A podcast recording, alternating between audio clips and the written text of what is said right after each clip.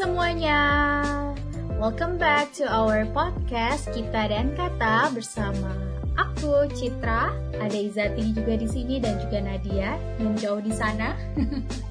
Hello everyone. Hai hai.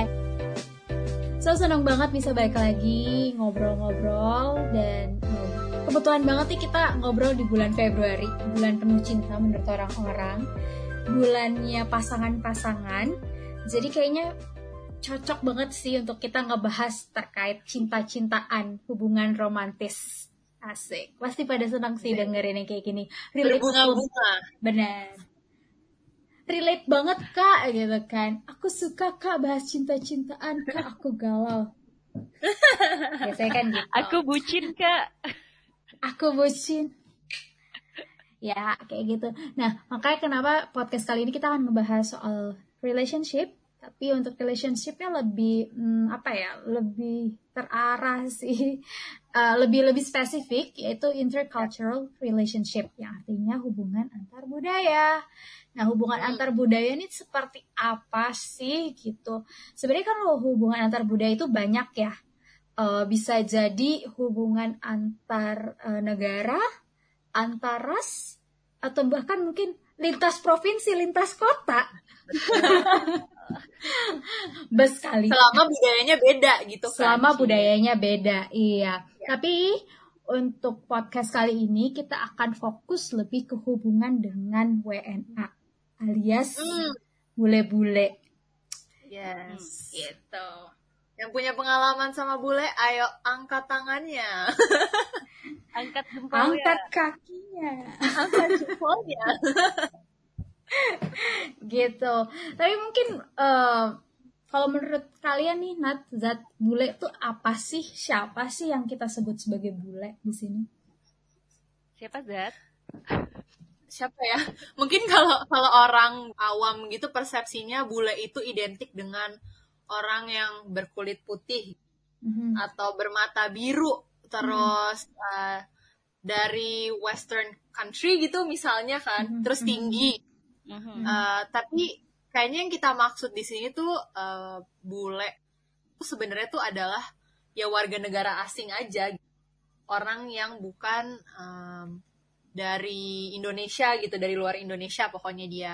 Bisa aja uh, opa-opa Korea atau mungkin bule juga karena dia kan warga negara asing jadi nggak identik dengan warna kulitnya matanya dan rambutnya gitu loh. Mm-hmm. tapi basically dia come from other country gitu Betul, betul, betul. Ya meskipun memang uh, untuk definisi bule sendiri di society kita itu masih sangat ter apa ya terbatas pada uh, masyarakat warga dari uh, area daerah Eropa gitu ya ataupun Amerika yang memang mereka punya uh, fitur wajah uh, fitur tubuh fitur wajah yang khusus misalkan kulitnya putih, hidung mancung atau badannya tinggi. Tapi di sini kita akan bahas lebih luas daripada itu ya.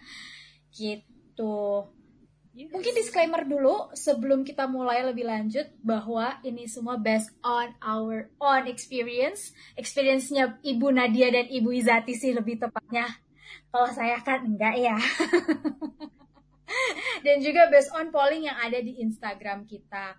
So, mohon maaf sekali kalau tidak mewakili banyak orang gitu ya. Um, we are just trying to um, you know, giving a new perspective ke teman-teman yang dengerin. Tapi kalau misalkan kalian tetap ada masukan, just let us know. Sama kalau misalkan, kan nanti kita bahas nih hal-hal yang mungkin um, untuk beberapa orang kurang apa ya, nggak terlalu mainstream atau nggak terlalu biasa didengar atau nggak sesuai dengan moralitas yang ada, yang nggak ngerti lah ya. Tapi intinya coba jadi pendengar yang kritis juga. jadi yes, survei dan pembicaraannya itu jangan dimakan mentah-mentah tapi juga dipikirkan yes. lebih dalam lagi. betul, betul, betul, betul. Setuju. Oke. Okay. So, gue denger Nadia habis nonton film sama cowoknya. Apa oh, nonton sendiri? Sendiri aja nih. Duh, itulah. Padahal lagi bulan Februari loh, Nat loh. Terus kenapa? Coba, Tapi filmnya, boleh di-share filmnya menarik banget Mm-hmm. Oke, okay. mm-hmm. gue share ya. Filmnya menarik banget karena film ini sebenarnya udah gue tonton, gue nggak nggak tahu deh berapa kali kayaknya udah lebih dari 10 kali karena ceritanya menurut gue uh, ngena banget dan ya jadi namanya judulnya Already Tomorrow in Hong Kong ini gue bukan hmm. ngejual filmnya ya tapi ini cuma cerita aja esensinya esensinya yang penting jadi ceritanya tuh tentang dua stranger gitu uh, yang mereka ketemu nggak sengaja di Hong Kong Nah, habis itu mereka tuh uh, conversationnya itu terkait banget sama culture. Karena si perempuan ini, jadi ada dua orang ya, perempuan ini dia adalah Chinese American dan yang laki-laki itu adalah American tapi tinggalnya lama di Hong Kong. Nah, terus conversation mereka menarik banget karena bahas tentang stere stereotype. Is that right? Mm -hmm. yang nempel di masing-masing culture. Misalkan salah satu discussionnya menurut gue menarik banget adalah kalau lu western, ya western people nih ya, biasanya disebutnya ekspatriat. Tuh, yang wangi-wangi. Waduh. kan biasa gitu kan. Nah, yeah, kalau yeah, yang yeah. western disebutnya imigran. Hmm, tuh biasanya yang I don't know, tapi kayak banyak orang mungkin banyak berpikir yang kayak kerjanya biasanya um, lebih apa ya lebih Blue kerja gitu ya? Ya benar kayak kerja-kerja yang lebih ke fisik. Nah terus dari film itu karena mereka ngomongin tentang culture menurut gue itu bagus karena itu juga bring up satu isu yang happen juga di intercultural relationship. Mm-hmm. jadi sering banget juga pembahasannya tuh akhir-akhirnya juga sampai situ gitu gimana stereotype stereotype itu muncul gitu.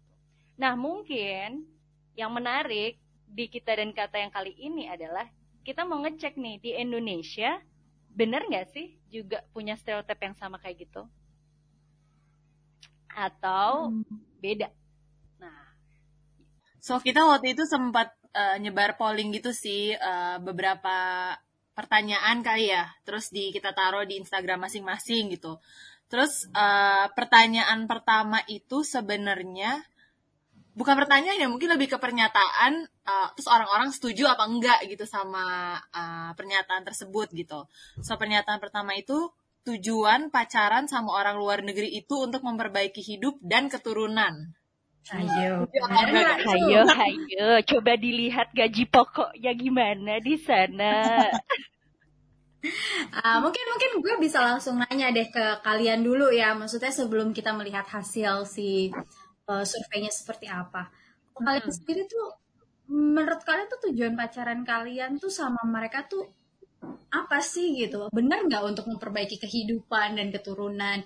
Kalaupun memang itu bukan tujuan utama pernah nggak sih terlintas gitu sama kalian untuk hal itu gitu? Diam. Tidak ada yang mau mereview eh harus anes ya harus anes loh. Kalau gue pribadi sih sama sekali maksudnya kayak ya in relationship pada umumnya aja sih maksudnya kayak lo mencari pasangan yang nyari orang yang nyaman, yang connect, yang bisa ngertiin satu sama lain gitu. So basically it's the same kalau misalnya gue pacaran mungkin sama orang Indonesia gitu kan. So gue sih nggak pernah terbesit yang kayak wah gue pengen cari orang bule nih supaya nanti anak gue ganteng, anak gue cantik kayak gitu-gitu. Ya itu kan hanya kayak jokes aja gitu kayak misalnya teman-teman bilang kayak, "Ntar anak lo ganteng Zat kalau lu jadi nikah terus punya anak gitu." Tapi itu nggak dijadiin nggak dijadiin apa ya? goals gitu loh. Kenapa gue pacaran sama orang luar negeri gitu. Ya kebetulan aja dapetnya sama doi gitu kan, si oknum. Kalau lu Nat? Ya kalau gue sih sebenarnya maksudnya menurut gue uh, pemikiran itu nggak mungkin nggak tahu ya kalau gue sih hadir sih tapi nggak di saat memilih si pasangan itu gitu. Maksudnya ya saat lo udah menjalani dan sebagainya terus habis itu lo banyak ngobrol banyak orang yang kayak tadi kayak yang Zati ngomong. Banyak orang yang kayak ngomong wah nanti katakan matanya hijau dong atau apa gitu. Suka duit dong. Terus fokus fokus. Uh, enggak maksud gue kayak terus ada kata-kata seperti itu gitu nah itu yang sebenarnya terus jadi juga kepikiran di dalam gue kadang kayak oh iya ya cakep juga nih kalau kecampur gitu. Tapi kan ya bukan bukan itu tujuan utamanya. Itu mah cuma plus plusnya aja Hmm, hmm, hmm, hmm. Sebenarnya sebenarnya apa jawaban jawaban kalian tuh cukup mewakili hasil pollingnya sih guys. Jadi dari polling kita tuh rata-rata hampir lebih dari 70 80 persen itu menyatakan sebenarnya nggak benar sih kalau dibilang tujuan pacaran sama orang luar negeri tuh hanya untuk memperbaiki kehidupan dan keturunan aja gitu. Sebenarnya rata-rata bilangnya enggak gitu karena balik lagi kan kalau mungkin kalau orang Indonesia ketika udah mulai men, me, apa ya menjalani suatu hubungan terlebih mungkin di usia-usia kita sekarang mungkin tujuannya lebih untuk hal yang serius kali ya. Jadi mungkin nggak nggak nggak serta merta cuma untuk memperbaiki keturunan aja gitu tapi juga memang ya mungkin ingin membangun rumah tangga ingin melengkapi kehidupan kayak gitu sih nah mungkin poin-poin yang apa ya poin-poin yang harus di apa ya harus ditekankan juga ketika orang memilih pacaran sama bule itu nggak melulu soal memperbaiki kehidupan mungkin karena kehidupan mereka juga sama aja sama kita kayak di sini ya kan? Maksudnya kayak gaji pokoknya mereka sendiri tuh ada uh, ada batasannya. Dan dan nggak semuanya punya nggak nggak semuanya yeah. punya penghasilan yang tinggi juga gitu kan gitu maksudnya. Sebenarnya balik lagi juga kehidupan mereka kehidupan si bulenya juga di negara asalnya ya nggak sih?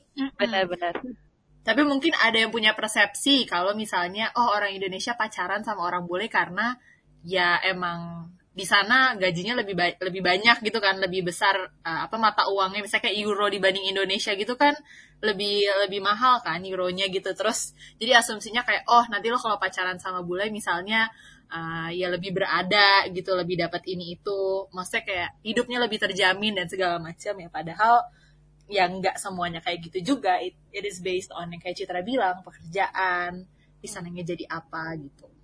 Dan juga kan maksudnya mereka punya gaji pokok yang lebih tinggi juga karena ada banyak faktor gitu.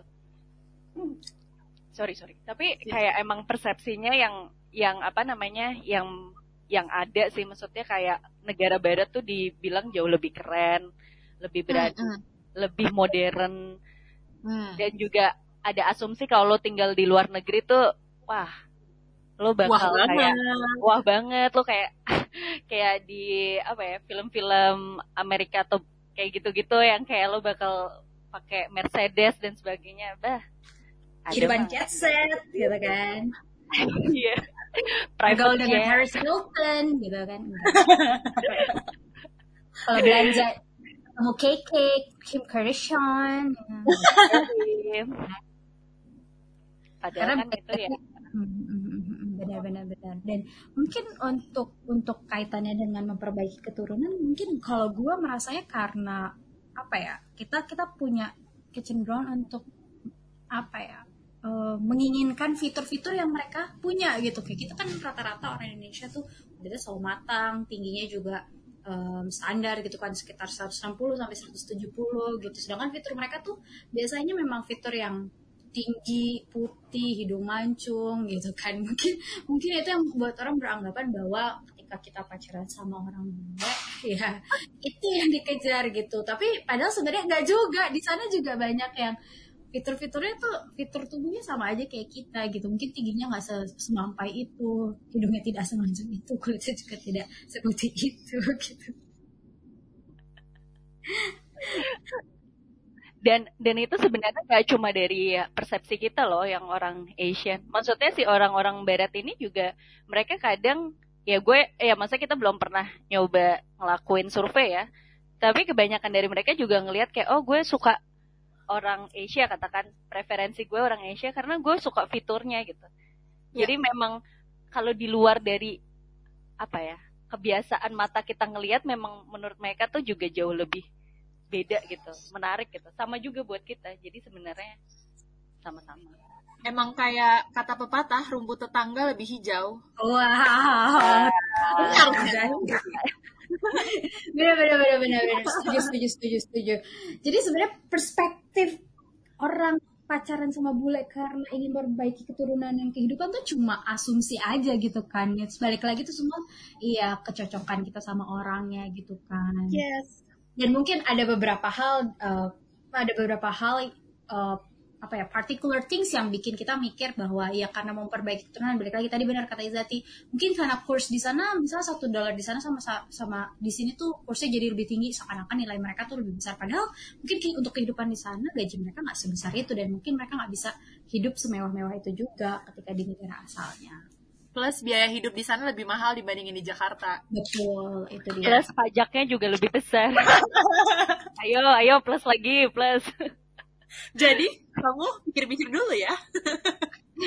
itu dia. Jadi kalau kalian pikir pasaran sama bule bisa bikin kalian jadi kaya raya, coba dipikir-pikir lagi. Dikira murah hidup di sana. Oh, kita apalagi jadi... apalagi kalau misalkan long distance paket internet banyak, geng. Itu, itu topik lain yang harus dibahas, guys. Jangan dibahas di sini dulu, guys. Bener-bener. Iya, iya. Oke, oke. Kayak gitu sih. Next, okay. next. Next, pertanyaan berikutnya.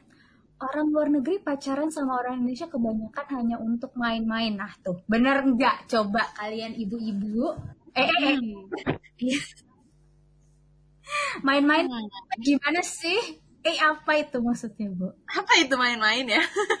Apa sih ini yang come up dengan idea ini? Oh maksudnya tuh main-main tuh kayak main congklak, main tapak gitu kan. Petak umpet. umpet gitu kan. Apa main-main gimana coba? Serius serius serius serius. Ya mungkin nggak ini kali maksudnya kayak uh, kalau pacaran Malaysia hanya buat sekedar kayak having fun in short period of time gitu. Bukan yang emang pengen punya komitmen jangka panjang pengen serius gitu. Yeah. I think it depends on the person itself juga sih karakter. I guess it's all about the karakternya dan karakter kitanya juga emang niatnya mau apa gitu kan. Mm-hmm. tapi kalau misalnya di generalisir gitu kayaknya enggak. Kayak cowok gue sih komit komit aja. Serius serius oh, aja. Kayaknya juga yes. tergantung tadi ya niat ya. Semuanya itu berawal dari sebuah niatan. Mau niatnya tuh apa gitu. Kayak terus hmm. uh, gue nggak bi maksudnya gue nggak juga nggak bisa bilang kayak kalau lo kenalnya dari satu apps ini tuh lo pasti main-main juga gitu. Atau lo kalau kenalnya dari apps yang satunya ini lo pasti serius gak main-main gitu. Tapi yes. tapi banyak sih faktor yang nyebabin itu. Menurut gue uh, apa ya? Oh ya terus habis itu juga uh, gue kayaknya kita kan udah pernah ngobrol ya uh, terkait hal ini. Terus kalau nggak salah Citra sempat bilang kayak kebanyakan di Indonesia tuh uh, ada dua jenis bule. Atau dua jenis orang luar negeri. Ekspatriat sama turis eh tiga ya zat eh tiga ya cit ya? Sama exchange lah anak-anak exchange. Jadi kalau misalkan kita lihat exchange sama turis which is yang mereka punya waktunya lebih short period tapi kalau expat mungkin jauh lebih panjang gitu. Jadi ya kalau durasinya lebih pendek ya susah juga kan lo kalau mau komitmen yang terlalu yang mau lanjut gitu. Paling enggak lo mungkin end up-nya kalau mau yang kayak gitu sama expat. Tapi kan expat juga jumlahnya nggak banyak. Jadi ya balik lagi sih ke kondisi terms and conditionnya. Benar benar benar dan balik lagi ke kalau misalnya sama yang exchange gitu atau yang sama turis ya sejauh mana kuat LDR-nya gitu kan maksudnya. I mean mereka bisa datang benar, ke benar. atau kita datang ke sana for like six months atau three months or even kalau misalnya holiday kan three weeks atau two weeks gitu kan. Terus kalian kenal saat itu kalau misalnya emang ngerasa cocok terus mau dicoba untuk berkomitmen ya ada juga yang berhasil gitu kan. Benar, tapi aku seperti kamu. Seperti Nadia gitu kan misalnya. Yang awalnya main-main lalu kecemplung Iya, yeah, sebagai awalnya main-main ya. Ya, ya, ya, ya. Jadi sebenarnya uh, tergantung kondisi keberadaan si orang luar negeri itu di kita, maksudnya di Indonesia, apakah mereka saat itu sedang memang for good di Indonesia sebagai mungkin pebisnis atau mungkin pekerja atau mungkin dia hanya seorang turis yang mungkin cuma waktunya terbatas gitu. Um, tapi balik lagi benar tadi kalau gue setuju kalau dibilang bahwa kembali lagi ke orang ya kalau memang pada akhirnya orangnya yang memang punya komitmen yang baik dan uh, apa namanya tahan untuk melakukan hubungan jarak jauh dan itu harusnya sih nggak jadi masalah gitu. Cuma gue pernah dengar cerita juga sih dari teman gue gitu. Memang kalau di luar negeri itu um, apa ya dating itu tuh nggak nggak se eksklusif itu. Maksudnya um, orang tuh bisa punya beberapa pasangan dalam satu waktu yang berbeda gitu. Dan dan uh, not being eksklusif hanya untuk orang itu saja gitu. Dan jadinya mungkin dari kebiasaan itu juga uh, apa namanya nggak um, apa ya komitmen jangka panjang itu itu tuh jadi kayak suatu hal yang jarang mereka temuin. Jadi ketika berhubungan dengan kita ya mereka hanya menjalani hubungan yang waktunya ya jangkanya pendek-pendek aja. Mungkin dari situ yang membuat gitu ya membuat orang-orang tuh berasumsi bahwa bule ini cuma main-main aja sama kita. Tapi hmm. sebenarnya lebih karena kebiasaan mereka aja gitu. Kayak ya gue gue gue bisa dating sama lu jalan sama lu pegangan tangan holding hands even even doing uh, sex gitu kan ya tanpa harus ada ikatan apa pun gitu kan. Yes. Jadi ya memang memang udah jadi suatu bisa dibilang culture mungkin atau mungkin memang sudah jadi kebiasaan di sana yang ya akhirnya konsepnya yang beda. konsepnya aja berbeda gitu sih. Tapi nggak semuanya seperti itu gitu yes. kan. Lagi ke orangnya apakah dia orang yang memang menghargai suatu komitmen atau being exclusive in a date gitu sih mm -mm. Mungkin ini juga kali ya Cid. Gue pengen nambahin juga kali. Balik ke kayak tujuan di awalnya apa. Mungkin enaknya tuh kalau lo udah mengarah ke kayak wah kayaknya pengen coba serius deh sama ini. Kayak dikomunikasiin dikomunikasiin gitu loh di awalnya kayak eh we're just having fun ya atau apa. Ya mungkin kalau itu baper itu urusan belakangan lah gitu. Cuman at least kayak sama-sama di state gitu di awal kayak oh ya kalau gue pribadi waktu itu kayak ya emang gue dianya pengen in relationship ya gue pengen in relationship ya udah so kita komit satu sama lain gitu. Tapi kalau emang mau having fun ya mungkin ya awalnya dibilang aja misalnya I don't know this is just for having fun atau gimana kan maksudnya. Jadi sama-sama jelas gitu loh nggak yang satu ngarep yang satu ternyata bisa komitmen gitu. Tapi dari pengalaman gue juga kayaknya emang emang kecenderungannya ini gue nggak tahu ya ini dibilang tips atau apa juga Asik. itu tapi maksudnya emang lebih bagus dari awal udah di state sih mau sampai seperti apa. Paling nggak setelah berapa lama berkenalan dan sebagainya gitu terus habis itu nge-state kayak nih maunya gimana nih? gitu. Supaya emang emang susah sih biar nggak baper tapi ya that's the reality harus kayak gitu. ya mungkin karena mereka lebih straightforward ya orangnya daripada kita. Kalau kita mungkin kayak ah nunggu ditembak nunggu dibeliin bunga atau nunggu dipanggil sayang atau gimana yang nggak jelas gitu. Kayak akhirnya banyak banget istilah jalanin dulu aja gitu. Sedangkan mungkin kalau untuk orang-orang barat khususnya mereka lebih mengutamakan udah straightforward aja. Kita mau casual sex oke? Okay, atau kita mau being eksklusif oke? Okay, atau kita mau bener-bener serius oke? Okay, kita getting married gitu. Ya lebih baik dibahas dari awal gitu nggak sih mereka? Maksudnya ya dan menurut aku sih akan lebih ini sih akan lebih enak buat kitanya juga gitu loh hmm. buat orang Indonesia mungkin nggak terbiasa straightforward terbiasa apalagi cewek gitu kan hmm, hmm, hmm, hmm. biar nggak baper-baper gitu kan jadi bahwa orang pac orang luar negeri pacaran sama orang Indonesia kebanyakan hanya untuk main-main bener atau enggak nih guys? Gue nggak bisa bilang enggak juga sih karena memang ada juga yang cuma mau main-main. Ada. tetap tetap maksudnya ada. Iya, cuma cuma kalau lo emang mau serius atau apa ya di diperjelas aja semuanya. Asik. Itu tips and trick. Oke. Okay. Selanjutnya nih. Orang Indonesia cenderung ingin cepat menikah saat berpacaran dengan orang luar negeri. Gimana tante-tante? Ada, ada. Menurut gue ada sih kayak ya mungkin dengan persepsinya dia sendiri jadi pengen cepet nikah gitu. Ada, tapi menurut gue uh, nggak juga sih. Mungkin karena nggak juga sih kalau gue pribadi.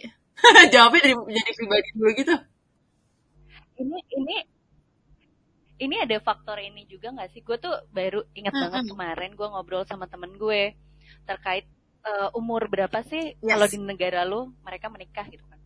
Terus habis itu terus habis itu di apa namanya teman gue nanya kan, eh kalau di Indonesia gimana? Terus gue bilang sekitaran dua tiga puluh kali ya gue bilang itu maksudnya sekarang udah makin Mm-mm, tapi sekarang juga udah makin mundur sih sebenarnya ada juga yang udah 35 dan sebagainya. Terus mereka bilang, "Oh, kalau di tempat gue tuh kayak sekitar 40-an gitu." Iya benar. gue juga masih kayak ah, 40-an. Cuma ya uh, apa namanya um, mereka juga kebanyakan ada yang udah tinggal bareng lama terus baru menikahnya tuh di akhir-akhir gitu. Kayak setelah mereka bener-bener oke okay, ini ini yang gue mau gitu. Keluarga ini yang mau gue jalanin sampai akhir ya yes. ya terus baru dia nik mereka nikah. Jadi memang ada konsep yang agak beda sih di di situ. Yes. I guess ini sih maksudnya kayak gue juga sempat discuss itu sama partner gue gitu kan. Kalau misalnya di Belanda itu emang ya rata-rata nikah tuh cowok even 30 ke atas gitu kayak 32, 33, 34 gitu. Sedangkan kalau gue mungkin udah masuk di yang umur-umur udah mikir serius kayak kapan nih mau nikah gitu kan. At least gue udah harus bukan harus ya gue udah pengen menemukan partner yang emang gue cocok yang mau diajak komitmen gitu kan. Sedangkan kalau dia ya maksudnya mungkin masih kayak ya udah bukan nggak mau komitmen tapi nggak usah buru-buru lah gitu so different ini sih different apa ya namanya ya kayak usia normal untuk nikah tuh beda di mana-mana I guess gitu Ya, ya, ya.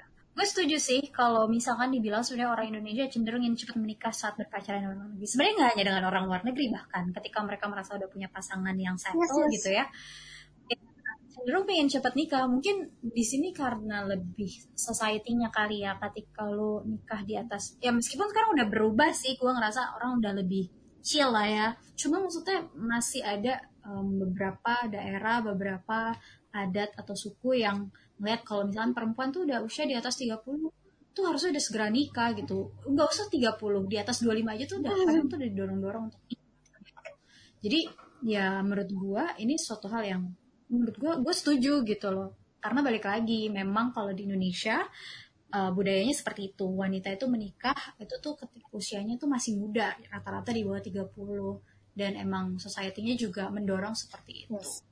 kayak gitu sih. And then having Tapi eh, sorry, kenapa Cit? Sure.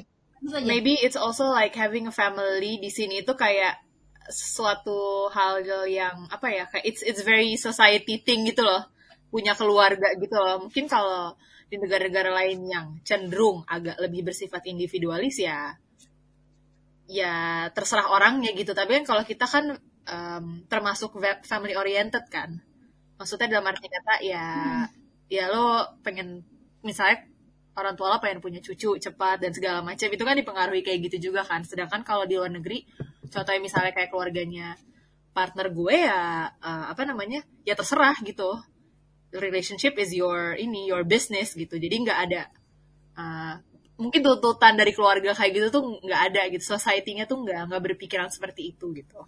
Ya dan dan juga nggak bisa digeneralisasi semua hmm, apa namanya orang luar negeri sih berpikir hal yang kayak gitu. Ada juga yang mau cepet nikah karena memang budayanya benar, emang benar. karena budayanya ya biasanya cepet nikah gitu. Jadi emang beda negara juga beda beda persepsi gue lagi baca-baca nih ada um, usia rata-rata menikah di berbagai negara ya coba gue disadur dari Hipui by the way guys. Kalau di Korea Selatan, usia rata-rata pernikahan tuh di usia 32 tahun untuk cowok dan 30 tahun untuk cewek. Kurang lebih sama lah kayak di sini ya. Dan um, jadi rata-ratanya kurang lebih 31 tahun ya. Sebenarnya sih kalau di Indonesia masih acceptable. Nah, tapi kalau di Cina itu lebih muda lagi. Ternyata cowok Cina tuh rata-rata menikah di usia 25 tahun dan ceweknya di usia 23 tahun. Terus kalau untuk di Eropa, memang kalau untuk cowok Inggris tuh rata-rata menikah di usia di atas 30 tahun. 33 tahun dan ceweknya pasti di atas 30 tahunan. Kayak gitu. Terus kalau misalkan di Norwegia itu lebih tua lagi nih guys. Kalau cowoknya tuh rata-rata di usia 34 tahun ke atas dan untuk ceweknya tuh di usia 31 tahun. Nah, jadi kalau gue lihat sih sebenarnya emang setiap negara tuh punya apa ya, punya kecenderungan untuk menikahnya tuh di rentang waktu yang berbeda-beda yes. sih. Dan ya itu perbedaannya tuh tergantung mungkin dengan budaya di sana seperti apa. Mm-hmm. kayak gitu. Jadi nggak bisa disamaratakan sih. Gitu. True. Dan banyak faktor sih kalau kayak pengen cepat menikah itu kan faktornya banyak ya. Selain budaya hmm. juga mungkin ada eksternal faktor yang tidak disebutkan di sini apa tuh misalnya oh ya nggak tahu ya banyak ya mungkin aja kayak ya, apa ya, ya? ya, ya. emang ya mungkin mungkin uh, mungkin mengejar uh, mungkin pasangannya biar nggak cepat-cepat balik mumpung masih di Indonesia biar segera nikah Benar, benar. gitu kan atau mungkin faktor lain uh, mungkin soal pendidikan juga Yes. biar uh, ketika su- ketika suami atau istrinya harus Kuliah kuliah, di di luar negeri dia bisa Ya. juga kayak gitu kan And then izin tinggal. gitu sih Iya izin itu. tinggal juga. Mm-mm. Kayak sama teman gue ada Betul, yang uh, mau misalnya nikah cepet nikah gitu mungkin karena ya emang masalah izin tinggal kan. Ketika lo punya partner orang lokal kan izin tinggal akan lebih bukan lebih mudah ya lebih mudah lah dalam arti kata kayak lo ada ada orang yang nanggung di situ lah gitu. proses prosesnya Hmm. jauh lebih gampang kalau udah di udah sampai merit karena kalau misalkan visanya cuma katakan visa pasangan tuh jauh lebih susah terus kan kita juga tahu kalau di Indonesia kayak cohabitation mungkin nggak terlalu apa ya yang nggak Bukan bukan menjadi hal umum. Iya, bukan jadi hal umum dan mungkin di sampa apa ya di beberapa daerah bukan budayanya gitu. Maksudnya mungkin Yes. itu hal yang malah apa ya nggak didukung lah. Oke. Oke, ke pertanyaan selanjutnya. Pacaran dengan orang luar negeri artinya semua setara. Bener nggak sih, guys? Lara. Hmm. setara gimana sih? Mungkin maksudnya lebih ke setara. Setara. Role-nya kali ya, role-nya setara. Setara. Mungkin, mungkin, eh, mungkin ada asumsi ini karena mungkin di Indonesia tuh masih ada, eh, apa ya, eh, budaya patriarki yang cukup kental gitu. Jadi seakan-akan perempuan hanya eh, urusannya itu cuma di dapur, di rumah di kamar, dan di kasur gitu misalkan.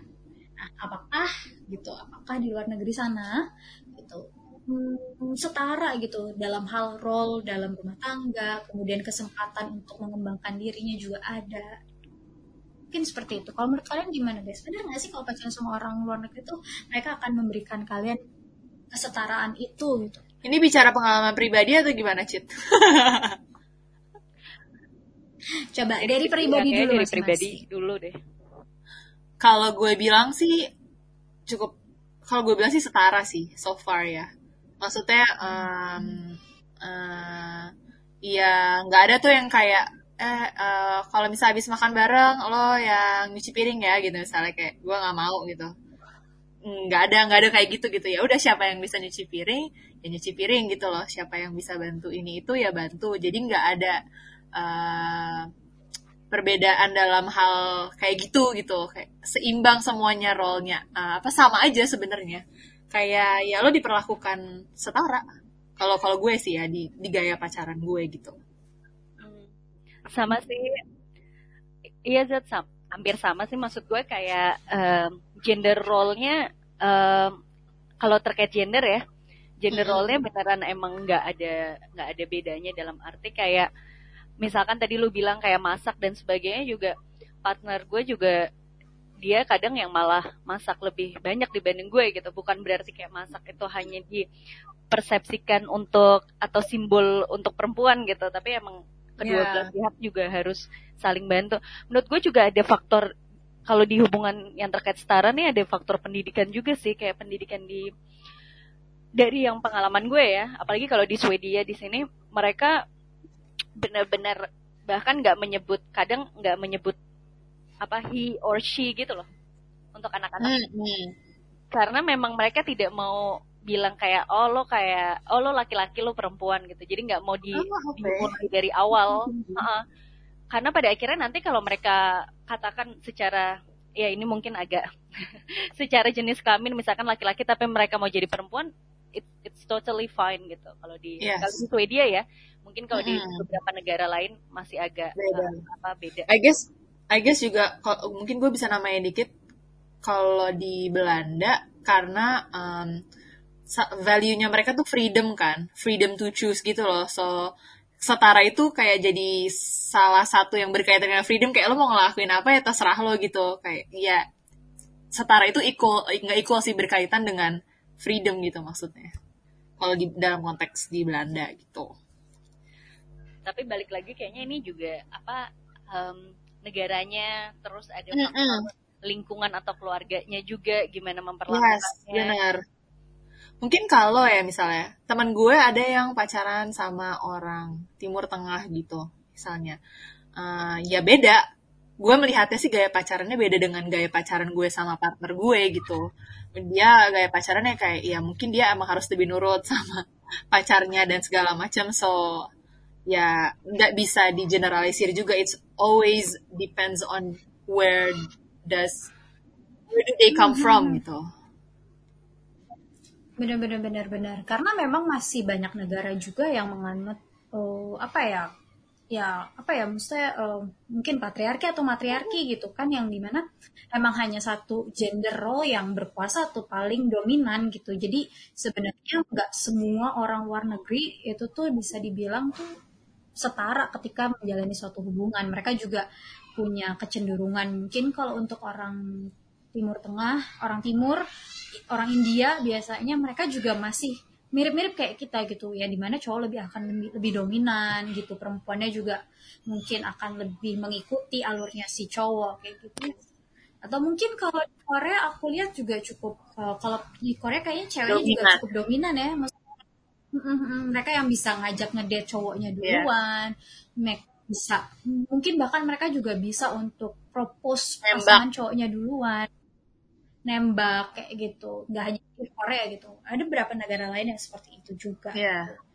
Jadi sih memang untuk setara ini um, balik lagi sih ke background orangnya dan pemahamannya dia tentang role masing-masing gender itu seperti apa. Kalau memang dia merasa ih cowok memang harusnya lebih dominan ya dia pasti akan tetap seperti itu meskipun dia adalah orang dengan kulit putih hidung mancung luar negeri itu iya dan dan dan apa namanya time to time juga sih maksud gue kayak sebenarnya orang-orang yang kita sebut orang luar negeri gitu ya atau western katakan itu mereka juga melalui proses terkait gender role itu lumayan lama setahu gue kayak sejarahnya gitu sampai mereka bisa bener-bener punya pemikiran semuanya tuh setara gitu. Jadi uh, dulunya juga mereka juga ada perbedaan itu gitu mereka yeah. juga punya budaya itu tapi lama kelamaan karena tingkat pendidikannya meningkat terus pemahaman terkait sejahteraan uh, kesetaraan dan sebagainya itu jadi lebih itu ya akhirnya mereka jauh maksudnya mereka udah sampai ke taraf itu oke okay. yeah. Menarik. Jadi belum tentu semuanya setara ya guys ya. Iya. Oke, okay. moving on to the next question. Saat berpacaran nah, ini dengan orang luar negeri lumrah untuk tinggal bersama pasangan sebelum menikah. Betul apa tidak betul? hmm, coba kira-kira seperti apa sih? Benar nggak ya? Boleh dijawab dulu. Uh, kok kayaknya ragu-ragu mau jawab? Siapa dulu yang mau jawab nih? Siapa pendengarnya nih? Nggak sih kalau gue gue mungkin mau jawab dari segi kayak ngelihat teman-teman gue gitu ya maksudnya. Kalau teman-teman gue sih menurutnya wajar-wajar aja gitu. Uh, kalau misalnya tinggal di sana karena culture di sana emang kayak gitu gitu tapi kan itu balik lagi ke orangnya kan kitanya gitu misalnya mau atau enggak gitu hmm. yang yang mungkin di highlight di sini adalah ya sebagai lo individu if you don't want to ya you have to have a confident gitu untuk say no untuk tinggal bersama gitu. Tapi kalau misalnya menurut lo itu suatu yang nggak apa-apa ya then it's fine. Ya kalau kalau dari gue sih hampir ya maksudnya setuju juga sih that, uh, dalam arti gini lumrahnya iya lumrah itu kan berarti kayak pemahaman secara society-nya gimana sih terkait dengan hmm, orang luar negeri yang tinggal bersama gitu kohibit gitu. Ya mereka lumrah karena mereka punya pemahaman um, cohabitation somehow jauh lebih penting dibandingkan nikah itu sendiri karena nikah itu konsepnya kayak paperwork. Sedangkan cohabit itu adalah kualitas dari yes. hubungannya sendiri gitu. Karena lo bisa lihat hmm. selama 24 jam kayak gimana ya mereka garuk-garuknya, yeah. mereka apanya, hal-hal bad habitnya tuh kelihatan semua gitu. Tapi kalau dibilang lumrah dan itu adalah hal yang easy untuk mereka, itu enggak juga karena yep, yep. saat mereka udah bilang yuk moving in together, itu berarti one step uh, relation gitu further. kayak ya further yang mungkin lebih serius gitu karena mereka benar-benar uh, apa ya si hubungan ini dilihat jauh lebih penting gitu untuk untuk dievaluasi lagi gitu. Makanya mereka yeah. memutuskan untuk tinggal bersama gitu. tinggal bersama. Ya gue jadi inget sih gue diskusi gitu sama temen gue. Dia kebetulan orang Belanda juga. Terus dia bilang gue tuh nggak akan mau nikah gitu. Terus gue tanya kenapa lo nggak mau nikah?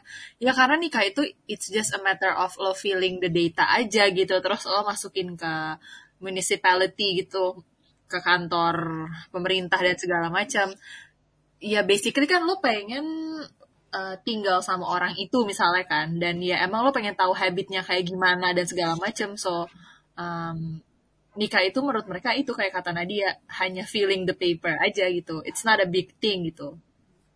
Dan tujuan tujuan dia tinggal bareng sama pacarnya tuh ya emang pengen tahu keseharian itu seperti apa gitu loh. So nanti misalnya ternyata ujung-ujungnya uh, oke okay deh ya udah jadinya mau feeling the paper gitu nikah dan segala macam ya emang udah yakin kalau oh gue udah tahu nih 24 jam nih orang ini kayak gini kebiasaannya kayak apa gitu. Kadang kan mungkin lo belum tahu orang itu kalau lo belum tahu apa 24 jam tuh kayak apa gitu loh orangnya gitu. Tapi pasangan lo kentut mulu gitu. Terus lo gak tahan sama kentut-kentut kan. Gitu kan lo ilfilan gitu yeah, misalnya. Yeah, yeah. Gitu. So I guess persepsinya mereka tuh seperti itu gitu. Itu yang gue dapetin dari cerita temen gue gitu. Oke, okay, jadi sebenarnya untuk tinggal bersama itu tuh bukan mungkin kalau dibilang lumrah ya lumrah aja, tapi bukan hal lumrahnya yang kita coba tekankan di sini, tapi lebih kayak tinggal bersama itu penting sebelum mereka uh, taking uh, a further step di dalam hubungannya mereka gitu kan ya, karena um, mungkin kalau buat mereka penting untuk tahu dulu. Sama kayak kita sebagai bibit bebet bobotnya mungkin lebih kayak backgroundnya orang seperti apa kebiasaan dia seperti apa untuk bisa make sure mengukur sejauh mana nih gue bisa tahan sama orang ini. Makanya dibutuhkan untuk uh, hidup bersama yes. gitu ya dan enggak dan dan bukan keputusan yang mudah juga untuk sampai ke situ karena kan balik lagi uh, mungkin uh, mereka masih ada individualitas juga ketika mereka harus sharing the same room sharing bed yeah. sharing kegiatan sehari nggak mudah juga gitu kan makanya sebenarnya butuh banyak uh, proses lah di dalamnya diskus diskusi kemudian juga uh, building relationship building trust juga yeah. untuk satu sama lain itu tuh nggak kayak lo misalnya um, kalau teman gue cerita itu nggak kayak lo ketemu sebulan terus langsung kayak hey do you wanna live together with me? gitu. Enggak juga. Mungkin ada hmm. tapi yang temen gue dengar dengar cerita sih kayak yang nggak kayak gitu. Paling ya after seven months or like a year gitu setelah hmm. udah tahu kayak apa kurang lebih gitu loh. And then okay ready to commit yang kayak okay let's take one step a little bit further gitu. Then yeah. they move in together bahkan ada yang take time sampai berapa tahun sampai pada akhirnya mereka move in together. Karena hmm. misalkan nih negara asalnya bukan dari negara yang lebih kolektif gitu ya. Jadi lebih individualis dan sebagainya. Mereka butuh banget punya waktu me time-nya mereka. Dan si ruangan kayak ruangan tempat tinggal itu tuh salah satu ruang untuk mereka. Oke okay, ini me time gue. Sekarang kalau misalkan mereka kohibit kan ruangan itu digunakan kayak buat berdua gitu kan. Jadi tuh bisa jadi stressful banget buat beberapa yeah. orang gitu ya Hmm, jadi Tapi Cit, gue penasaran deh Cit sama ini sama polling kita. Sebenarnya kata orang-orang apa sih?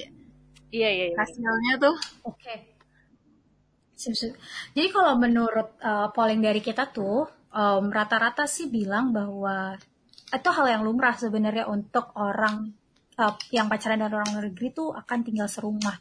Rata-rata lebih dari 50 50% akan bilang ya itu hmm. lumrah hmm. gitu. Jadi mungkin kalau kalau bisa diasumsikan orang-orang Indonesia tuh berasumsi bahwa ya ketika lu pacaran sama orang luar negeri ya pasti lu akan tinggal hmm, serumah. Ada kemungkinan itu gitu ya. Iya. Iya. Oke. Okay. 73% rata-rata bilang oke okay, setuju kalau misalkan lu pasti akan lo, lo akan tinggal di tinggal serumah sih sama dia dan itu suatu hal yang hmm.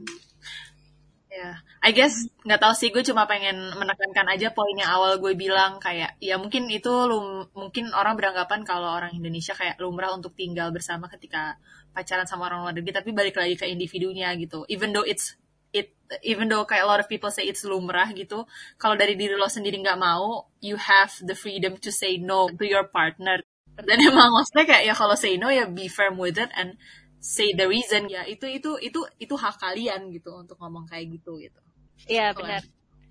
Uh, gue gue setuju tuh uh, kata-katanya Zati. Soalnya penting juga kalau dalam hubungan apalagi maksudnya uh, apa namanya lu state dari maksudnya lu state bener-bener maunya apa gitu. Kayak oh gue emang nggak bisa sih kohibit ya udah gitu. Ya hmm. kalau misalkan si pasangan itu mengerti lo ya pasti mereka juga kayak oke okay, gue menghargai gitu. Yes. decision lo. Yap yap yap yap. Oke oke oke oke. Oke. Kayaknya kita bisa lanjut aja kali ke berikutnya. Um, kita juga sempat nanyain ke orang-orang itu tuh mitos dan stereotype yang pernah kita dengar atau alami berkaitan dengan hubungan intercultural. Oh, interesting. Interesting, okay. right? Yang pertama hubungan gak langgeng, bener gak guys? Enggak, nah. radio 4 tahun. Tidak setuju. Tergantung intensinya apa nih. ya, balik lagi. Tergantung karakternya cocok atau enggak. Itu semua tergantung guys. Sama aja sama kalau pacaran sama orang Indo gitu menurut gue. Benar-benar. Oh. Lanjut. Yang kedua, orang dari suku atau kota tertentu tuh pelit atau genit, bener gak sih guys? Bisa jadi, bisa jadi. Gak tau deh gue.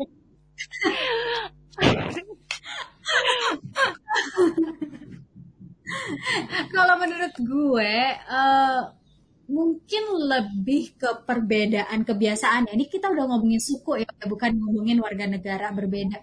Mungkin ketika kita dibesarkan dengan suku tertentu tuh ada kebiasaan-kebiasaan atau budaya yang udah ter terbiasa di kita. Mungkin lebih perhitungan lebih teliti ketika menghitung pemasukan dan pengeluaran. Mungkin itu yang bikin kita uh, mereka jadi lebih pelit gitu kali ya maksudnya. harus lebih besar ya pelit. pelit gitu ya kayak gitu gitu. Kalau untuk genit gue sebenarnya hmm, belum pernah dengar sih ada satu suku atau kota tertentu yang lebih genit. Mungkin genit karena banyak perempuan cantik di sana jadi tebar pesona ya nggak tahu juga sih. tapi kayaknya balik lagi kalau menurut gue ini semua tuh tergantung pada memang kebiasaan di suku atau kota tersebut sih. Dan kondisi-kondisi di sana mungkin di sana lebih banyak orang berdagang jadi mereka harus uh, lebih apa namanya? Berhitung oh, menghitung uangnya lebih, lebih. detail gitu kan. Atau mungkin biaya hidup di sana mahal jadi mau nggak mau mereka memang harus uh, lebih perhitungan juga dalam mengeluarkan uangnya sih. Kalau menurut gue gitu kan kalian gimana guys kalau menurut gue setuju. Kalau menurut gue yang genit ini juga bisa jadi perbincangan juga nih. Kalau di beberapa negara gue, oke okay, gue nggak ngomongnya suku atau kota ya, karena mungkin uh, yang gue alamin kayak di ada beberapa negara yang misalkan mereka kalau um, greetingnya itu pakai meluk gitu.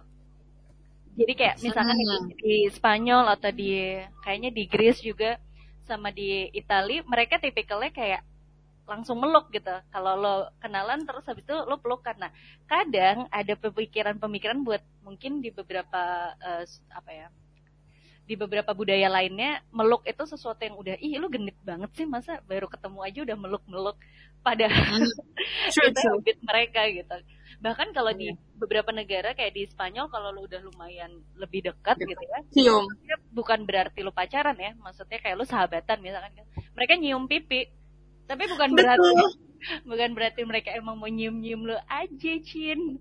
Emang gitu aja budayanya. Nah itu dia guys next ya next next next Cu, sebenarnya uh, stereotipnya adalah bule itu cuma ngincer yang punya fisik saka, ya, ah gimana sih maksudnya? Cuma ngincer fisik yang selera bule aja atau eksotik dalam tanda kutip. Benar nggak sih, sis? Eksotik tuh apa sih sebenarnya? Kalau di persepsi kalian gitu. Hmm. Eksotik apa ya? Mungkin ini ini um, ini ini gue coba mewakili ya, coba mewakili gambaran eksotik yang banyak uh, banyak orang tangkap gitu. Eksotik tuh mungkin ketika ngeliat perempuan kulitnya sawo matang atau coklat, terus kemudian dengan fitur wajah yang sangat Asia, mungkin dengan mata yang uh, tipis, segaris, terus kemudian juga uh, mungkin rata-rata bibirnya tebal, ya kan? Kayak gitu. Itu itu mungkin di, uh, rambut hitam kayak gitu. Itu yang dianggap eksotis sekali ya gitu. Karena banyak banget ketika uh, lu ngeliat cewek gitu ya dengan tipikal fitur seperti itu tuh langsung ada orang bilang ah, itu selera itu orang ya. Tuh pacar lu pasti bule suami lo tuh pasti bule gitu. Lo tuh pasti ditaksir sama bule lo gak akan cocok sama orang Indonesia. Coba bener gak sih kayak gitu ada nggak sih yang namanya selera bule? Gue menyerahkan mic-nya pada Nadia deh. gue gak bisa jawab yang ini. Kesel gue ini sebenarnya pengalaman bertahun-tahun dari tahun berapa? Ih, kamu selera bule banget sih. Iya, ampun selera bule banget, eksotik banget. Itu menurut gue kayak gue udah enough kayak pengen gue sorry bibirnya tolong kunci aja jangan dilanjutin ya menur ya menurut gue sebenarnya kayak gue juga bisa bilang sih uh, kayak misalkan nih gue ngelihat uh, orang luar gitu ya perempuan gitu yang menurut gue menarik gitu misalkan matanya biru dan sebagainya gue nggak tahu deh apa gue bisa bilang itu eksotik juga. Ataukah eksotik itu lebih hmm. berorientasi sama negara-negara negara-negara tropis yang warnanya lebih coklat gitu terus disebutnya eksotis gitu. Tapi yang gue tapi yang gue yang gue pengen uh, apa mungkin share di sini sebenarnya uh, selera bule itu menurut gue terlalu apa ya menempatkan diri sebagai orang sebagai objek gitu sih jadi sebenarnya itu nggak terlalu I don't know somehow nggak terlalu wise untuk nyebut eh lo selera bule banget sih gitu. karena kan selera itu kayak eh lo selera bule banget terus maksudnya uh, purpose-nya apa ya? Nyebut selera bule. Mendoakan atau kayak ya gitu sih menurut gue tapi maksudnya kita kan tadi juga udah ngomongin ya bahwa orang itu kayak cenderung memilih pasangan yang mungkin beda sama apa ya? Punya punya punya uh, fitur yang beda itu jadi kayak menarik gitu mungkin itu sebenarnya kayak oh lu, lu tuh sebenarnya dibanding lu bilang eh lu tuh selera bule lu bilang aja wah lu tuh fiturnya menarik banget loh kayak gila oke. Okay. gitu. jadi nggak menempatkan untuk satu spesifik. satu, ya, spesifik untuk satu hal aja gitu. Tapi emang gue bisa bilang itu stereotip yang banyak muncul gue akui. Hmm Ya ya ya, kayaknya balik lagi sama pernyataan di awal sih yang sebenarnya tuh uh, kita mungkin longing some features yang uh, what they have that and we don't have gitu. Sama sebenarnya mereka pun mungkin orang luar negeri sana yang mungkin lebih bisa kita kategorisasikan umumnya di orang-orang Caucasian mereka tuh longing our feature gitu kulit yang lebih coklat, hidung yang lebih kecil, mata yang lebih kecil, bibir yang lebih tebal, kayak gitu. That's why ketika mereka melihat orang-orang dengan fitur tersebut yang biasanya ada di Asia, ya dianggap eksotik untuk mereka. Gitu. Jadi menurut gue ya balik lagi sih, um, ini lebih ke kita merasa kita butuh fitur itu, kita longing that feature, kita merindukan, kita pengen punya, makanya kenapa kita lihat uh, fitur tersebut lebih menarik daripada yang kita udah punya sih intinya bersyukur guys. Intinya bersyukur guys. Tapi itu itu masalah juga sih. Maksudnya kalau punya preferensi kita yes. aja uh, yang kayak apa tertentu sih nggak masalah juga. Cuma jangan jadikan kemudian selera bule itu seperti mengkotak-kotakan orang uh, hanya pada orang orang-orang tertentu aja. Oke. Okay. gitu. Lanjut. Lanjut. Oke okay, lanjut Oke, okay. uh, eh, ini agak menarik sih. Gue akan coba lompat ya sedikit. Stereotipnya adalah orang-orang bule itu akan melakukan uh, orang-orang yang pacaran dengan orang bule pasti akan melakukan seks sebelum nikah. Benar nggak sih? Taste the water.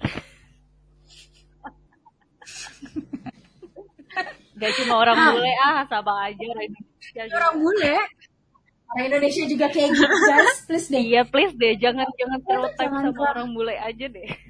Padahal orang Indo juga sama. Iya gitu. Jadi mungkin tapi mungkin lebih karena um, kalau di kita tuh itu hal yang tabu ya. Um, ada ajaran agama ada ajaran suku-suku yang membatasi kegiatan um, seksual um, orang-orang Indonesia. Kalau di luar negeri kan mungkin itu suatu, mereka menganggap itu sebagai suatu kebutuhan biologis yang memang ya wajar aja kalau mereka penuhi kayak gitu. Jadi menurut gue um, hal itu menjadi wajar di sana ya karena mereka menganggap itu ada suatu kebutuhan biologis hmm. aja gitu sama seperti kebutuhan dasar makan minum tidur yes. gitu kalau di sini kan um, itu menjadi apa ya itu disakralkan aja sih dan gak ya maksudnya bukan maksudnya bukan mendorong orang untuk melakukan seks sebelum menikah apalagi kalau nggak pakai pengaman hmm. dan apa maksudnya kayak nggak nggak mempersiapkannya terlebih dahulu gitu kan tapi lebih karena ya mungkin jangan kemudian hanya karena orang bule terus pasti akan seks sebelum menikah nggak juga karena masih ada juga orang luar negeri orang luar negeri negara tertentu yang masih menganggap bahwa keperawanan kesucian seks sebelum nikah itu eh seks setelah menikah itu adalah hal yang suci gitu hal yang yes. baik gitu. Jadi ya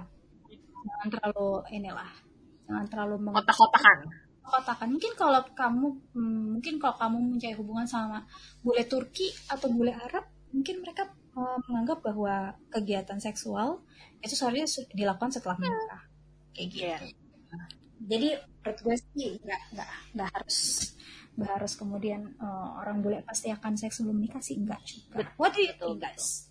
Iya dan dan maksudnya juga jangan terjebak pada kayak oh kalau gue punya apa kayak gue start hubungan sama orang luar orang luar negeri gue harus uh, seks nih gitu. Kayak itu tuh somehow mm-hmm. decisionnya balik lagi ke lo gitu. Kalau emang maksudnya yes. lu sendiri belum yeah, siap dan lo emang nggak memegang nggak mau ya udah. Nggak mau ya lo juga balik lagi sama kayak yang tadi move moving together gitu. Kayak lo ya emang harus nge oke okay, gue nggak mau gitu. Tapi memang uh, mungkin kecenderungan bahwa mereka melihat seks itu uh, maksudnya gini, mereka mungkin ya melihat seks itu sebagai hubungan biologis gitu ya, yang di mana kalau di budaya uh, apa Asia mungkin ngelihatnya kalau si seks itu lebih ke hal yang apa ya penting dan punya apa sih disebutnya kalau kayak gitu tuh sakral.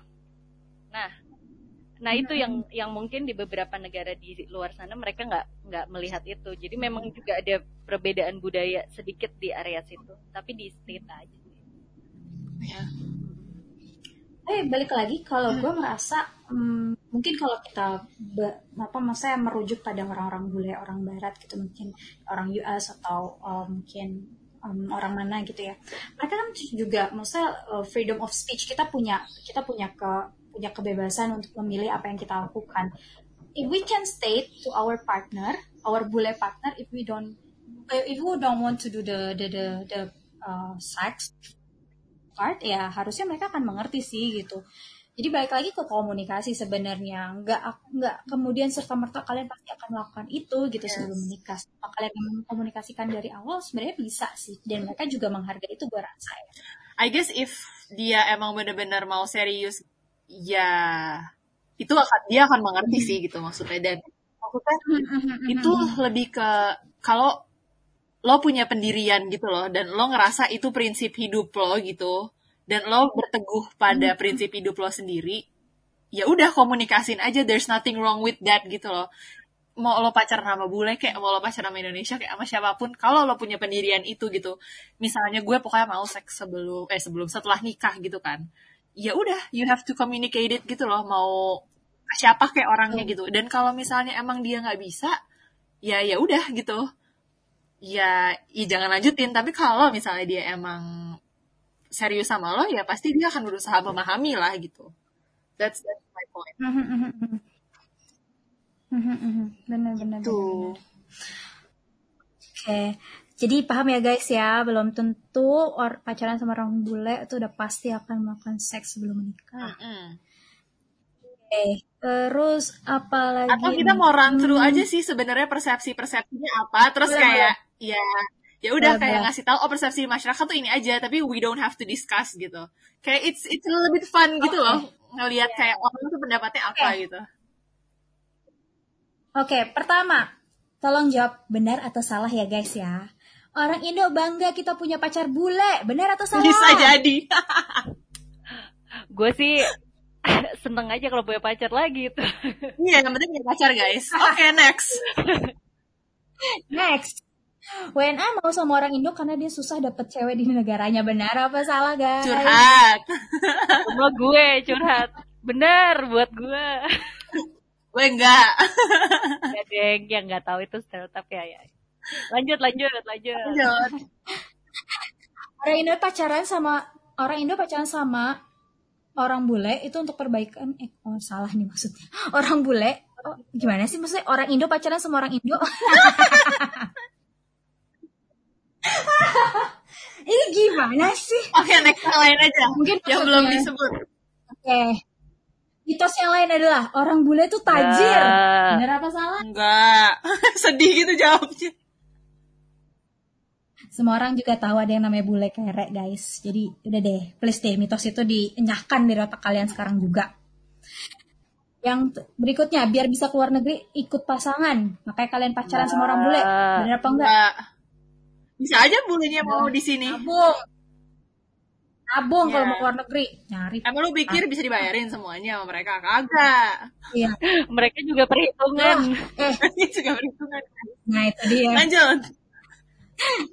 Lanjut.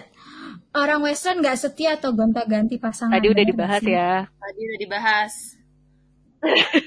Males bahas lagi. Serius sama WNA sama dengan ninggalin salah satu keluarga, bener nggak tuh? No comment. No comment. Inilah kunci dari suatu hubungan yang seharusnya kalian munculkan. Komunikasi, guys. Komunikasi. Mau seperti apa ke depannya, mau serius atau enggak, mau ninggalin atau enggak, Dan, dikomunikasikan. dan bukan Jadi, ninggalin sih sebenarnya. Kan bukan berarti maksud gue gini, bukan berarti kita nggak tinggal di satu negara sama keluarga itu artinya ninggalin. Dan bukan berarti kita nggak care kan? Iya, maksud gue persepsinya harus diu- di, diubah gitu. Ninggalin itu juga bukan sesuatu yang negatif gitu. Maksudnya ya kita emang tinggalnya apart aja, bukan Ya. ninggalin. Kalau ada apa-apa pasti balik lagi. Tuh, Ya kalau ada apa pasti balik lagi. Betul itu. Ya balik lagi nanti balik lagi lagi. lanjut, lanjut, lanjut. Oke. Arab will only selanjutnya Arab will only marry Arab. Bener? Bisa jadi ada kecenderungan. Itu mah episode baru itu. Ada kecenderungan seperti Episode podcast lanjutnya. itu ada ke- ada kecenderungan. Jadi kalau kalian merasa kalian sekarang pacaran sama orang Arab, cek dulu aja guys, mendingan Arabnya Arab tok-tok atau Arab udah campur-campur. Kalau campur-campur kalian aman, kalau masih pure mendingan jangan. Percuma kalian udah ngarep kan, ngebayangin, oh nanti habis nikah gue sama dia kayak gini, oh dia gini. Nggak, ternyata nggak jadi karena kalian bukan Arab, mendingan jangan ngarep dulu. Dicek dulu aja ya. Oke lanjut. Orang bule nikah sama orang Bali supaya bisa beli tanah bangunan. ya itu salah satu teman gue yang bilang tuh. gue gak tahu sih, gue gak tahu ya. sih. Cuman that's, uh, itu gue agak kayak wah, wow ternyata ada persepsi kayak gitu ya. Ada yang punya pengalaman silahkan coba ya kabarin Sebenarnya kita bukan cuma orang bule sih, kayak orang Indonesia juga yang bukan orang Bali. Kalau dia nikah sama orang Bali lebih gampang buat proses. Dapet tanah.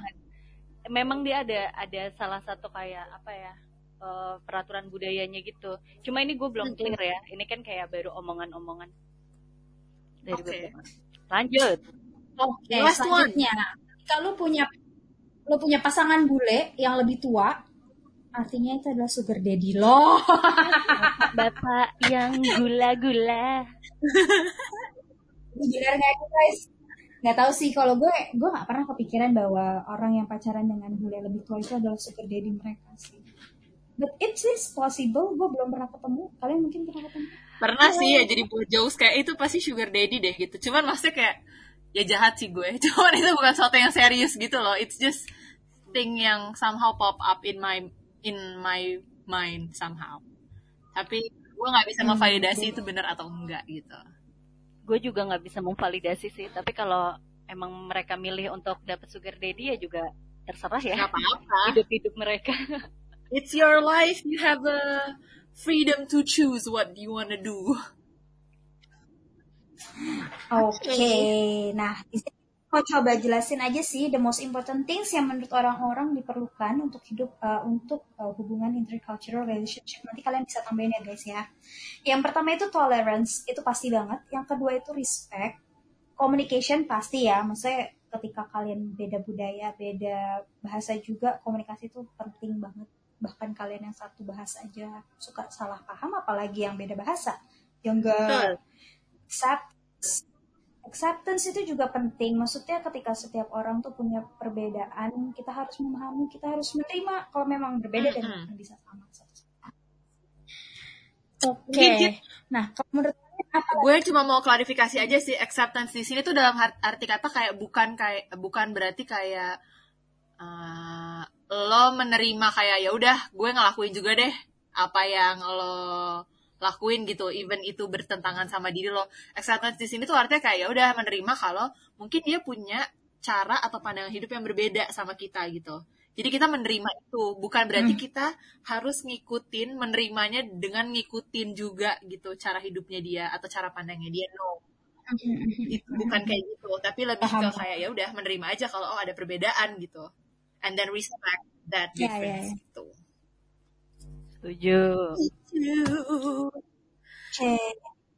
Kalau Nadia ada tambahan, kira-kira apa sih yang penting dalam suatu hubungan intercultural? Hmm, enggak sih kayaknya udah disebutin tadi semuanya. Tapi emang komunikasi itu yang salah satu yang somehow jadi eh tackle yang punya apa ya andil paling besar dan andil ya andil paling besar sih.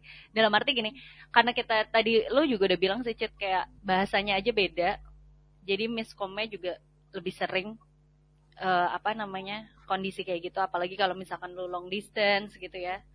Mm-mm. udah long distance beda budaya terus bahasanya juga beda. Jadi kayak memang pasti lebih banyak eh, apa namanya hal yang bakal mempengaruhi si hubungan lo itu. Tapi kalau lo bisa menghadapinya dengan lebih understanding acceptance tolerance and respect menurut gue sih pasti bisa sih and dan, ya dan eh Hmm. sorry.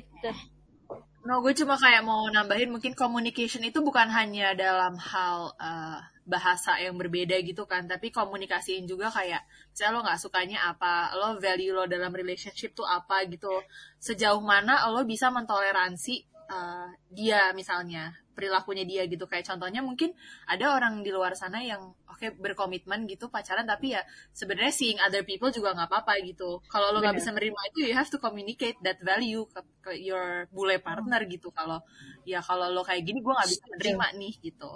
So Mm-mm. communication it's also communicating what's important for you and Iya, what's valuable for you gitu. What's your apa sih kayak prinsip-prinsip kalian itu Iya, seperti apa gitu ya lebih speak up sih Setuju.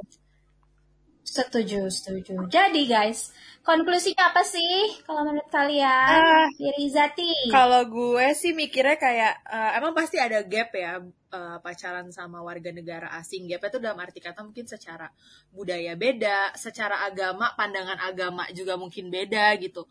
Emang kita tuh butuh kemauan untuk bisa ngehargain, buat bisa kompromi, buat mencoba Yes. ngelihat dari sudut pandang orang tersebut gitu. Tapi menurut gue ketika emang itu nggak cocok, ya ya udah, bukan ya udah dalam arti kata ya lo harus berani ngomong gitu. Kalau ini nggak nggak nggak cocok sama gue gitu. Lo harus melihat juga kalau yourself itu it- it's very important gitu loh. Hidup kalian tuh juga diri kalian tuh juga important gitu untuk punya that kind of value. So kalau emang nggak cocok dan nggak sama, ya you have to have confident to communicate it gitu. Dan kalau orang emang bisa Hmm. sangat terbuka, ya itu bisa didiskus gitu. Dan Mhm. back again itu balik sama karakteristiknya orang sih. Mau jadi intinya kayak mau lo pacaran sama orang Indonesia, mau pacaran sama orang luar negeri itu back eh, apa back again to their characteristic gimana keluarga mereka ngebangun apa ngedidik mereka segala macam itu semua berkaitan gitu. So it actually depends on that person-nya aja sih gitu. Gitu kalau dari aku. Setuju, setuju, setuju setuju. Kalau dari gue, uh, menurut gue sih inter intercultural relationship tuh butuh effort lebih banyak.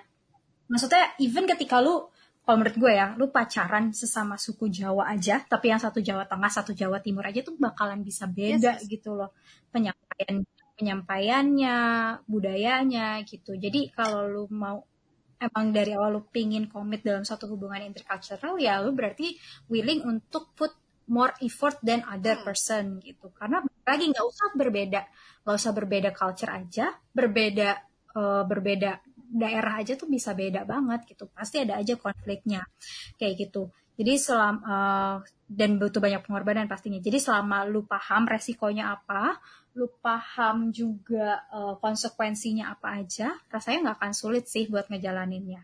Dan yang kunci utama itu adalah selalu komunikasi. Selalu komunikasikan semua perbedaan yang kalian rasa tuh ke depannya akan membawa apa ya konflik yeah. lah kayak gitu. Coba komunikasikan um, uh, apa namanya resolusinya mau seperti apa. Karena kalau nggak ada komunikasi ya kalian nggak akan jalan ke mana-mana hmm. sih. Itu dia. Gitu berarti terakhir dari gue ya. Mana dia cuma sebenarnya semua yang tadi diomongin Zati, Citra gitu ya tentang intercultural relationship kita sebenarnya bisa ngekonklusiin bahwa sama aja hubungannya mau beda budaya kalau kita maksudnya hubungan itu selalu ada plus minusnya gitu ya. Dan uh, kalau dilihat dari tadi kan kita juga diskusi tentang apa namanya stereotype dan sebagainya, somehow society judgment itu juga mempengaruhi persepsi kita gitu ya terhadap hubungan. Jadi menurut gue kalau memang untuk ya semua yang di luar sana yang emang punya inter apa sedang berada dalam intercultural relationship, jangan pan, pantang menyerah. have faith guys ya uh, survive kalau misalkan uh, kalau misalkan memang hubungan lo itu apa ya lo anggap penting dan memang ada dalam relationship yang masih healthy dan dan lu nyaman yes. gitu jangan dihalangi dengan society judgment terus lo jadi um, apa ya mempertanyakan uh, hubungan lo sendiri gitu atau jadi malah merusak hubungan lo gitu semuanya tuh balik lagi ke diri kita masing-masing dan juga please speak up uh, dan communicate seperti yang tadi kita udah bilang. Gitu sih. Jadi sampai sini dulu uh, diskusi kita, ngobrol-ngobrol kita dan kata uh, terkait intercultural relationship. Mm -hmm. Please feel free loh kalau misalnya mau ada tanggapan atau mau ada pertanyaan atau mungkin topik-topik lain ataupun yang berkaitan sama topik ini buat kita discuss lagi. Kayak feel free to reach us atau mungkin ada yang mau jadi narasumber. Yep, yep, yep. yes. Sesama pejuang LDR mungkin. Atau topik lanjut. Boleh banget boleh banget. Langsung aja bisa DM Izati di Izati Afmel Putri atau Bernadia Dwiani dan juga di gue di Skarci ya guys ya. Jadi thank you so much udah dengerin uh, podcast kita. Uh, sorry kalau masih ada yang salah kata atau mungkin ada beberapa hal yang kurang sek di kalian uh, balik lagi uh, disclaimer ini based on polling yang kita dapetin kalau memang misalkan masih ada masukan lagi terkait uh, topik ataupun kontennya please let us know. Jadi kita bisa revisi atau kita discuss lebih yep. oke okay, thank you. Have a nice day. See you di next episode. Bye bye bye bye